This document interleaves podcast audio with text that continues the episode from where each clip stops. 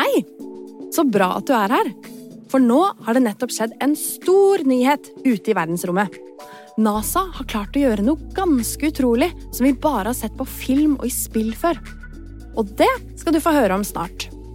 Men nå er jo Maskorama tilbake. Og har du klart å gjette hvem zombien eller ulven er? Ikke jeg heller. Derfor har jeg tatt en prat med Nicolay Ramm, som sitter i Maskorama-panelet. Og han skal gi oss sine beste tips for å bli en bedre Maskorama-mesterdetektiv. Men først skal vi snakke litt om promp, rap og kuer. For du har kanskje hørt om at kuer slipper ut mye stoffer som er farlig for klimaet. Men nå er det noen forskere som har funnet på noe lurt for å prøve å fikse det. Så vi har besøkt gården til tolv år gamle Helene og kuene hennes. De får nemlig en helt spesiell type mat sånn at de skal rape ut mindre gass. Bli med videre, da! Du hører på Forklart junior. Jeg heter Kari Mette Hole, og jeg jobber i Aftenposten Junior.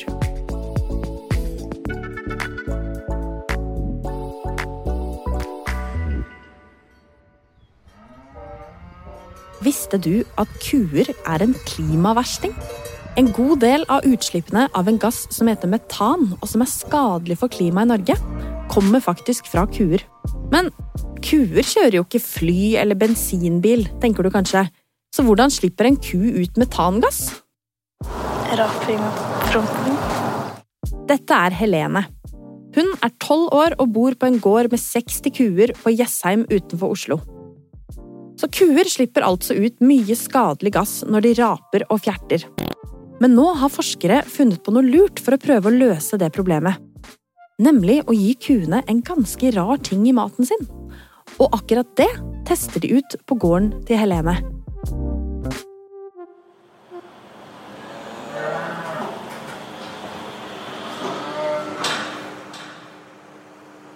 Inne i fjøset tar Helene og moren hennes Torunn oss med til en svær, hvit og sort ku som heter Gøyal. Hun er en av 15 kuer på gården som nå blir forsket på disse kuene får alger blandet inn i gresset de spiser. Mer bestemt rødalger som kommer fra havet ved Portugal. Men hvorfor får kuene alger i maten? For å hindre sånn at de skal slippes tanngass. Algene skal nemlig gjøre at kuene raper og fiser mindre gass. Og når vi møter Gøyal, så står hun inne i det som Helene kaller for rapemaskinen. Det er en slags stor metallboks hvor kuene kan spise kraftfôr. Men grunnen til at de kaller det rapemaskinen, er at den måler hva som kommer ut når kuene raper.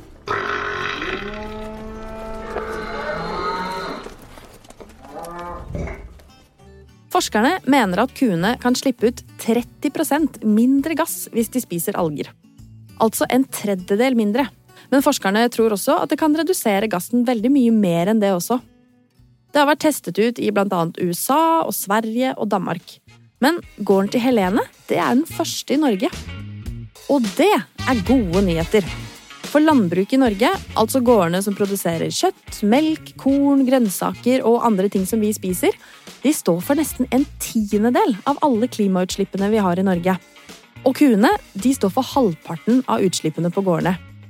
Så bøndene og politikerne i Norge de er blitt enige om at landbruket må kutte ganske mye i utslippene sine de neste årene. Å få kuene til å slippe ut mindre metangass ja, det er en av mange ting som de nå prøver ut for å klare det. Men hva synes egentlig Gøyal og de andre kuene om å få algesmak i gresset sitt? Ifølge moren til Helene så ser det ikke ut som de har reagert på det, og de har ikke spist noe mindre, sier hun. Så hva håper de egentlig vil skje, da? Når kuene spiser eh, alger i maten sin? At kua blir også klima, enda mer klimavennlig enn det den er. Det er det som er målet. Om folk kan spise kjøtt og drikke melk med god samvittighet. Og sånn at det, det vil bli bedre å bo her i Norge, eller her på kloden egentlig, da. Framover. Når du blir voksen nå vi klarer å redusere de klimagassene våre.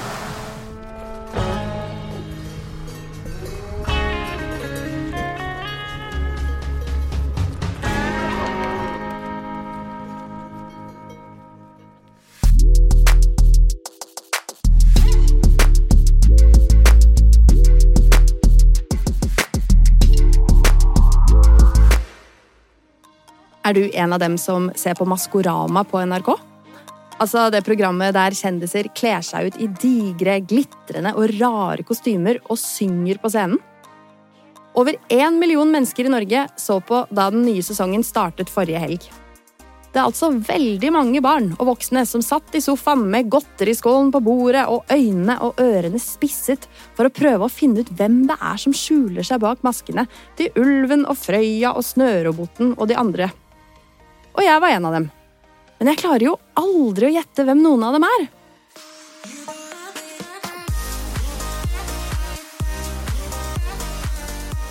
Går det egentlig an å bli en bedre Maskorama-detektiv? Jeg tok en prat med Nicolay Ramm. Han er en av dem som sitter i detektivpanelet sammen med Marun Ravn og Jan Thomas.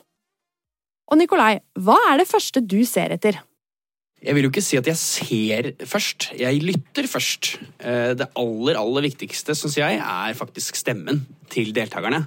Eh, for den er jo den Det eneste du vet er ekte, på en måte. Eh, hint og sånn kommer jo i andre rekke, for de kan jo lure deg trill rundt. Så det aller viktigste man må bry seg om, er stemmen den vet du 100% er personen sin. Så um, jeg starter der, og så prøver jeg å liksom knytte hintene opp til hva jeg tror ut fra stemmen. Ok, første tips er altså å lytte godt. Men når det kommer til å se etter hint, så sier Nikolai at han syns det er like vanskelig som alle oss andre. For det er veldig mye greier i de videoene som vi får se. Og det er jo ikke så lett å skjønne hva som bare er pynt, og hva som kan være et ekte hint. Men Nikolai han har et godt triks, nemlig å bruke Google. For eksempel, så, uh, ta et eksempel som var nå på, i første program. Da. da var det jo en av karakterene som plutselig holdt fram et kompass. Da tenker jeg på 71 grader nord, jeg tenker på, på Tur med Monsen, TV-programmet der kjendiser er deltakere. Og så var det vel en kvinnestemme, og da er det fort å gå inn på Google og bare søke opp liksom, hvem har vært med 71 grader nord av kvinner i ca. den alderen du tror stemmen passer til. Og da får du et par navn der.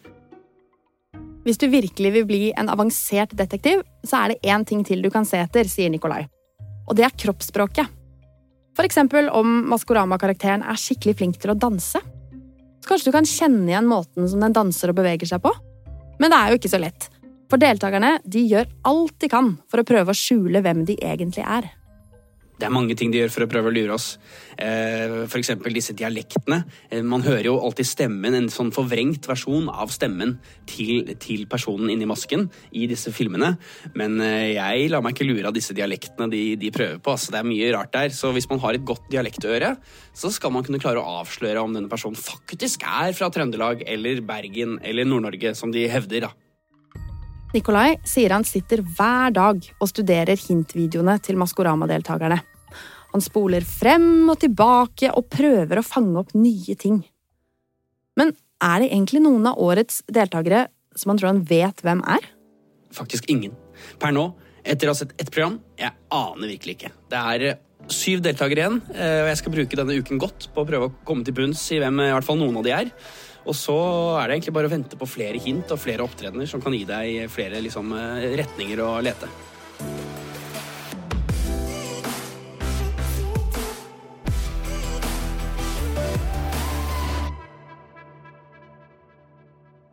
Men nå kan du komme her og ta plass i romskipet mitt.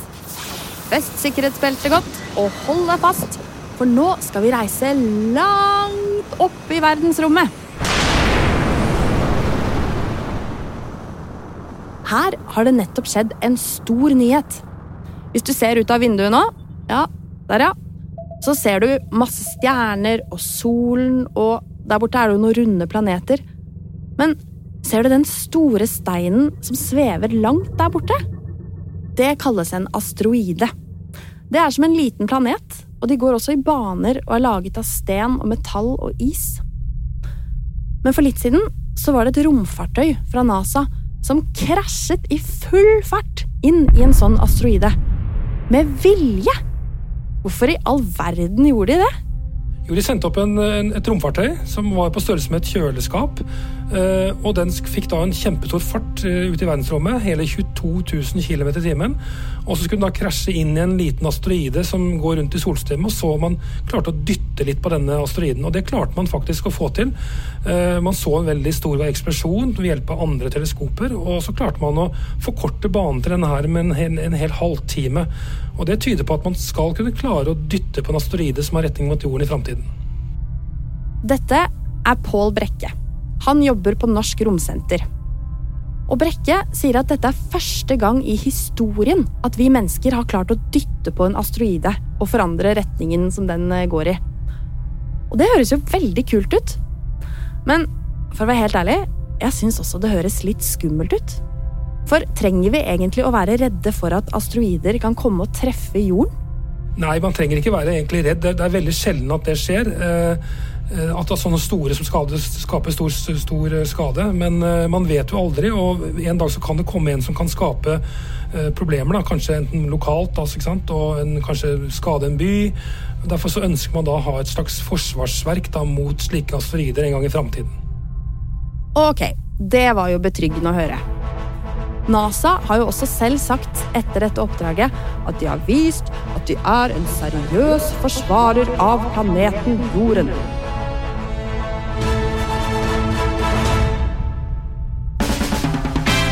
Men du, ikke gå helt ennå, for nå er det nemlig tid for quiz. Er du klar? Da kjører vi på. Spørsmål 1. Hva heter gassen som slipper ut når kuer raper og promper? Spørsmål 2. Hva heter de tre faste detektivene i Maskorama? Og her holder det med fornavn, altså. Spørsmål 3. Hva var det romfartøyet til NASA nylig krasjet inn i ute i verdensrommet? Vet du disse svarene? Og har du lyst til å prøve å vinne en premie? Da må du sende svarene på en e-post til post krøllalfa aftenpostenjunior.no. Vinnerne i forrige ukes quiz de heter Eirik og Lilja, og de er ni år gamle og kommer fra Oslo. Gratulerer! De får en premie hver i posten. Takk for at du ble med på denne episoden av Forklart junior. Vi høres igjen neste uke. Podkasten er produsert av Truls Rokiki og Filt. Jeg heter Kari Mette Hole, og Mari Midtstigen er ansvarlig redaktør.